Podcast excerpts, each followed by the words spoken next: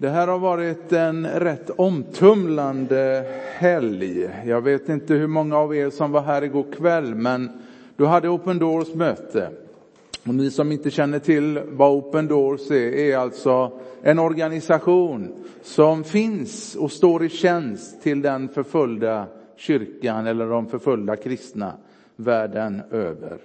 Och igår fick vi väldigt många omtumlande berättelser just ifrån förföljda kristna världen över. Och också den text som jag idag ska titta närmare på har också varit väldigt omtumlande. För det är så med det kristna livet. Allt är inte bara guld och gröna skogar. Ibland så stöter vi också på mycket av sånt som är väldigt svårt. Vi befinner oss i Apostlagärningarna, det har vi gjort en tid. Eh, som är berättelsen om vad Jesus fortsätter att göra från himlen genom oss, sin kyrka på jorden. Första gången jag var här, det är ett par månader nu, det var i augusti för eh, ett drygt halvår sedan, så predikade jag om aposteln Johannes. Och idag tänkte jag predika om hans äldre bror, Jakob. Och rubriken för dagens predikan är aposteln Jakob. Han som fick både kors och krona. Låt mig läsa de två bibeltexter som ligger till grund för den här predikan. Den första är hämtad från Markus 10. Då kom Jakob och Johannes, Sebedaios söner, fram till Jesus och sade, Mästaren, vi vill att du ger oss vad vi ber dig om. Han sa till dem, vad vill ni jag ska göra för er? Låt oss få sitta bredvid dig i din härlighet. Den ena på din högra sida och den andra på den vänstra sidan. Jesus sa till dem, ni vet inte vad ni ber om. Kan ni dricka den bägare som jag dricker eller döpas med det dop som jag döps med? De svarade, ja det kan vi. Jesus sa till dem, ni ska få dricka den bägare som jag dricker och döpas med det dop som jag döps med. Men platserna på min högra och vänstra sida är det inte min sak att ge bort.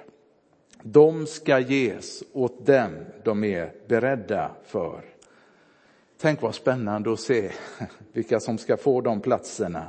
Och så läser vi Apostlagärningarna vid den tiden lät kung Herodes gripa och misshandla några i församlingen.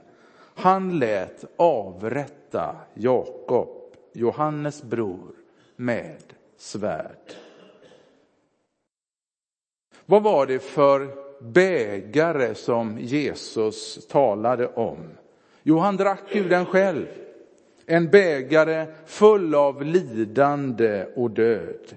I Hebreerbrevets femte kapitel så läser vi Jesus ropade högt under tårar när han bad och åkallade den som kunde rädda honom från döden. Fastän han var son lärde han sig lydnad genom sitt lidande.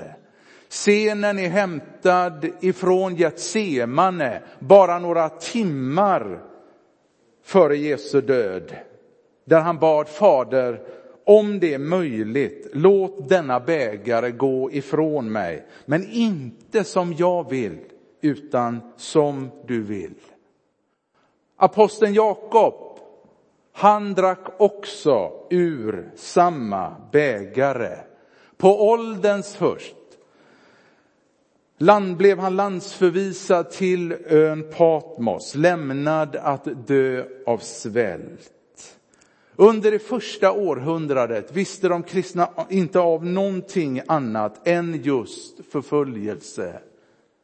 Också aposteln Jakob drack ur denna bägare. Han var nämligen den första av apostlarna att dö martyrdöden. Jag vet inte hur det är med dig, men jag har aldrig hört någon predika om denna aposteln Jakob förut.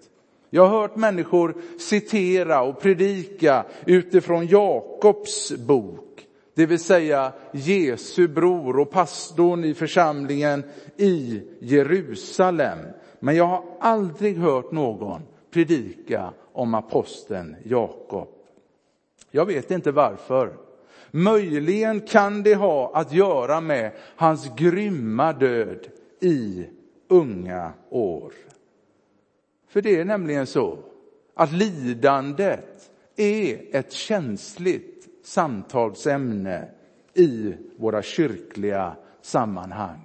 Få människor har de gånger då jag predikat om lidande kommit fram och tackat mig efteråt. Som om man hade sagt någonting som man borde be om ursäkt för. Men också Bibeln är livets bok och rymmer en hel del lidande. Vem var då Jakob? Evangelierna har inte mycket att säga om denne Jakob. Hans biografi ryms på en halv A4. Han nämns aldrig ensam, alltid i sällskap med sin yngre bror Johannes. Den som har mest att säga om denne Jakob, det är evangelisten Markus. Han säger om denne Jakob att han kom ifrån en välbärgad familj. Hans far drev ett framgångsrikt fiskeföretag med många båtar och många anställda. Hans mor Salome betjänade Jesus med familjens tillgångar och tillsammans med sin bror Johannes var han en av Jesu tolv lärjungar. Av apostlagärningarna så framgår det att för att bli en apostel var man tvungen att ha följt Jesus från första början och ha bevittnat hans uppståndelse. Aposteln Jakob, han uppfyllde samtliga dessa kriterier. Han var med Jesus från första början och var en av tre lärjungar som stod Jesus allra närmast. Han var med i Kapernaum när Jesus botade Petrus svärmor och bevittnade Jesu hjärta för de nödlidande. Han var med när Jesus uppväckte Jairos dotter och bevittnade Jesu makt över döden. Han var med uppe på berget och blev vittne till Jesu härlighet. Han var med och lyssnade till Jesu tal på Olivberget om hans lidande, död och slutgiltiga seger. Han gick med Jesus in i ett semane mörker för att vara Jesus till hjälp i hans svåraste kamp. Han var med på berget när den uppståndne visade sig för de elva och gav många bevis på att han levde. Alla dessa händelser satte djup djupa spår i Jakobs liv och blev senare grunden för hans bergfasta tro. Men även solen har sina fläckar, så även Jakob. Ibland kan jag undra hur Jesus överhuvudtaget stod ut med sina tolv lärjungar dagarna i ända. Han måste milt sagt haft ett himmelskt tålamod. Bland dessa apostlar eller lärjungar fanns Jakob. Evangelisten Markus ger oss en inblick i Jakobs eldiga personlighet. Det var Jakob och Johannes som bad om att få nedkalla eld över den by som vägrade att ta emot Jesus. Som gav dem namnet Oskans söner. Det var inget dumt namn. För det beskrev nämligen en person som brann för något väldigt mycket. Det stämde väl in på Jakob. Han hade ju lämnat allt för att följa Jesus. Han hade offrat mer än någon av de andra fiskarna i företaget. Det företag som han stod på tur att ärva. Han hade lämnat allt för Jesus skull och han var beredd att offra mer, till och med sitt eget liv. Denne Jesus hade överträffat alla hans förväntningar. Han var ju den utlovade Messias, frälsaren. Just därför var Jakob beredd att offra allt för honom som inte erbjöd någonting. Inga pengar, inga hem, ingenting, bara kärlek. Han erbjuder, han erbjuder det viktigaste, den är Jesus, nämligen syndernas förlåtelse, vilket gör allt annat i livet mindre viktigt. Vet du vad församlingen behöver? Församlingen behöver sådana unga eldsjälar som Jakob. Unga människor som har samma offervilja som Jakob, som förstår att de är skapade för ett annat syfte än att tjäna pengar och göra karriär. Sådana människor, mina vänner, behöver församlingen. Människor som besvarar Jesu kallelse, ställer sig upp i båten, kliver ut och följer Jesus, ställer sig under hans ledning och tjänst. Det mina vänner. Kanske var det just denna uppoffring som låg bakom Jakobs reaktion eller önskan från Jesus om de främsta platserna. Trots att Jesus upprepade gånger sagt att han var på väg upp till Jerusalem för att lida och dö, förstod hans lärjungar inte ett dugg vad han pratade om. På deras vandring upp mot Jerusalem så gick nämligen Johannes och Jakob och pratade om de främsta platserna och tänkte på de troner som Jesus hade utlovat åt hans lärjungar. Men vilka skulle få de främsta platserna? De hetlevrade bröderna, de hade funderat en hel del på det. Gjort en hel del kalkyler. Kanske var det så att Jesu ord till Petrus om att han skulle få nycklarna till döden och dödsriket hade gjort dem avundsjuka. Och så började de kalkylera. De tänkte på allt de hade uppoffrat för Jesus skull. Varför skulle inte de belönas? Om Petrus blev belönad som han blev belönad, då borde väl de, om några, som offrat allt, karriären, företaget, de borde väl bli belönade. Jesus han svarade, ni vet inte vad ni ber om. För vid den här tiden så erbjöd Jesus inga troner. Inga troner.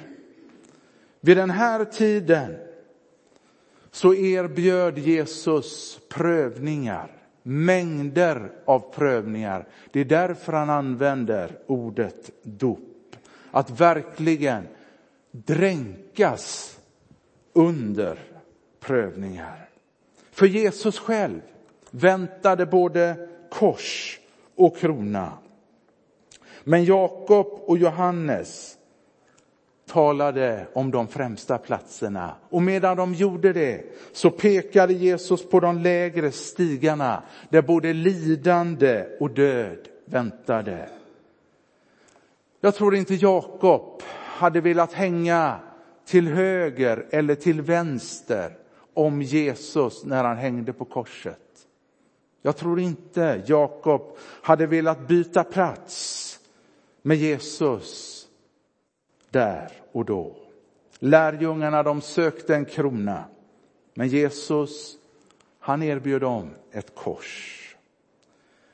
Om det är någonting som saknas i den kristna undervisningen så är det just avsnittet om prövningarna, också i det kristna livet.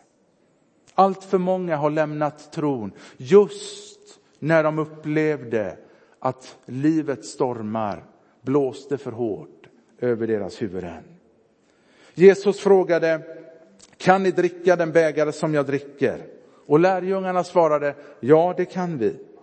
Jesus sa till dem, ni ska få dricka den bägare som jag dricker. Och Jakob kom att lägga Jesu ord på minnet. För efter Jesu död och uppståndelse så blev han en annan man. Pingsten gjorde honom till en ny människa.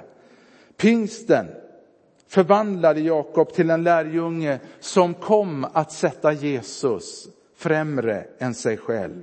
Allt strävande efter de första platserna hörde till det förflutna. Likt sången sjung Jakob. Världen har inget som jag söker, bara Jesus jag behöver. Världen har inget annat jag söker, bara Jesus jag behöver. På ett gammalt romerskt mynt kan man se en oxe som vänder sig mot ett altare och en plog med orden redo för båda. Medan Johannes fick tjäna Gud tills han var nästan hundra år fick Jakob dö bara tio år efter första påsken.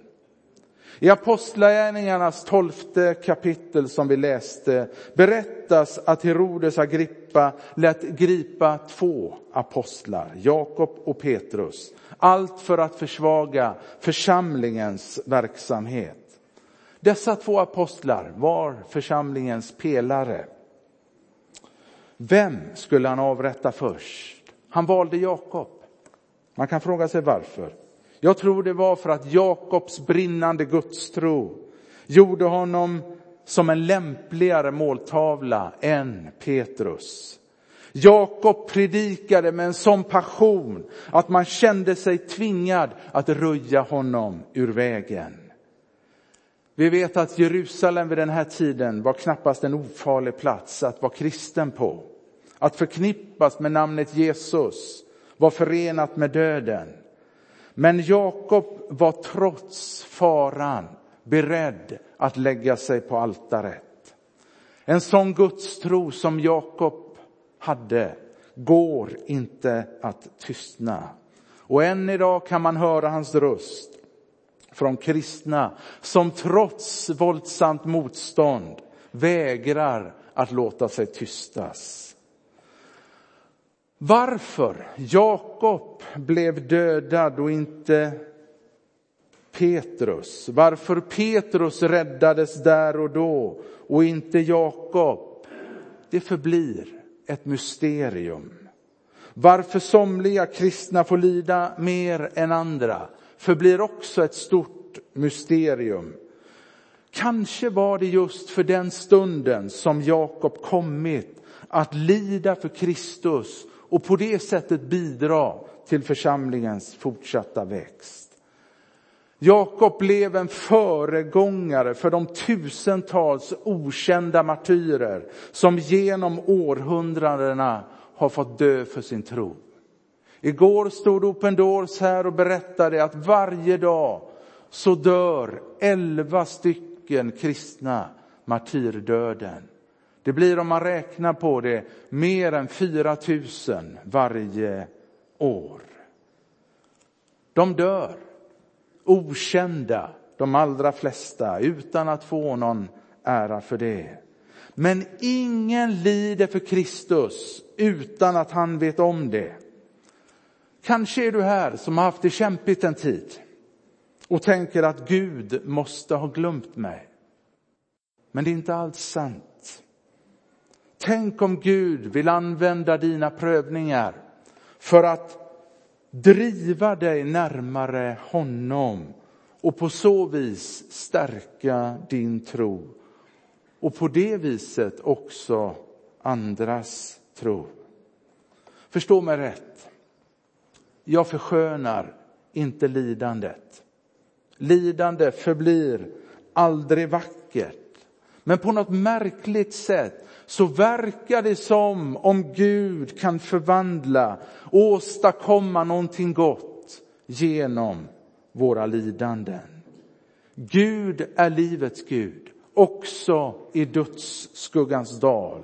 Då, om någon gång, blir det tydligt. Är du redo för altaret och plogen, för uppoffringar och kristet tjänande, också när livet är svårt? Jakobs överlåtelse till Kristus bär vissa likheter med de första svenska missionärerna. Om lika många människor eller missionärer skulle dödas idag så tror jag att man skulle anse det som ett vansinne att skicka fler missionärer till samma land. Men så tänkte man inte då. Det märks inte minst i Svenska Missionsförbundets tidiga historia då det gamla samfundet förlorade många missionärer i tjänsten. Och jag tror säkert pingströrelsen skulle kunna säga detsamma. De flesta av dessa missionärer var ju inte martyrer i den bemärkelsen att de dödades för sin tro. Men de åkte till Afrika fullt medvetna om att de troligen aldrig skulle återvända igen. I slutet av 1800-talet dog nämligen hälften av dessa utsända missionärer i Kongo inom bara några år. De allra flesta av tropiska sjukdomar. Det berättas att när de lämnade Sverige hade de med sig brädor till den egna kistan i bagaget. Och när dödsbuden kom från dessa missionsländer så reagerade man inte som vi kanske skulle göra idag med att säga skicka inga mer dit. Istället kom nya människor som sa att de var beredda att åka. Det fanns en tydlig missionskallelse då bland församlingarna trots riskerna att åka. Bibeln ger oss inga luften om att Guds barn aldrig ska drabbas av svårigheter. Jobs bok är troligen det tydligaste beviset på det. Trasig som den här skapelsen är ger den upphov till mängder av smärtsamma sår i livet. Många gånger så ser det ut som att det onda ska segra. Men så är inte fallet. Bibeln uppmanar oss att se bortom det svåra till evigheten då Gud ska regera och fylla den här jorden med ljus och mening. Detta är vår tröst mitt i sorgen. Och vi läste ju påsktexten och jag ska avsluta med den. Där Paulus skriver, gäller vårt hopp till Kristus bara detta livet, då är vi de mest beklagansvärda av alla människor. Men nu har Kristus uppstått från de döda som förstlingen av de insomnade. Tänk vad mycket som hänger på de orden. Men nu. Det är som om Gud ville säga, en vacker dag ska alla mina barn uppstå igen från de döda. Inte en enda av dem ska lämnas kvar i sina gravar, utan var och en skall uppstå till ett nytt liv. Den dagen ska vi få möta nära och kära. Den dagen ska vi få möta Jesus Kristus och motta segerkransen som lön för vår uthållighet i tron. De sista hälsningsorden blir den kristna tron säger oss att det finns någon som älskar dig, som följer dig genom hela livet, vars krafter aldrig sinar, som är starkare än synd och död. Någon som är värd att riskera livet för. Amen. Jesus Kristus, jag tackar dig för att du är klippan. Herre, vi bör påminna oss om detta ofta, Herre. Du är klippan. Du står fast, Herre. Låt oss stå med stadiga fötter på denna klippa, Herre. Också när livets stormar blåser, Herre. Herre, jag tackar dig för att du är ankaret som når långt innanför förlåten, Herre. Ingenting rubbar dig, Herre. Tack Jesus. Herre, välsigna oss var och en. Du vet precis hur vi har det. Kanske att någon just nu, Herre, har det tuffare än någonsin. Men tack Gud för att du kommer med kraft och med tröst som ingen annan. Du är livets Gud, Herre. Och vi får påminna oss om detta, Herre, gång på gång. All välsignelse, Herre, över oss i evigheters evigheter. Amen.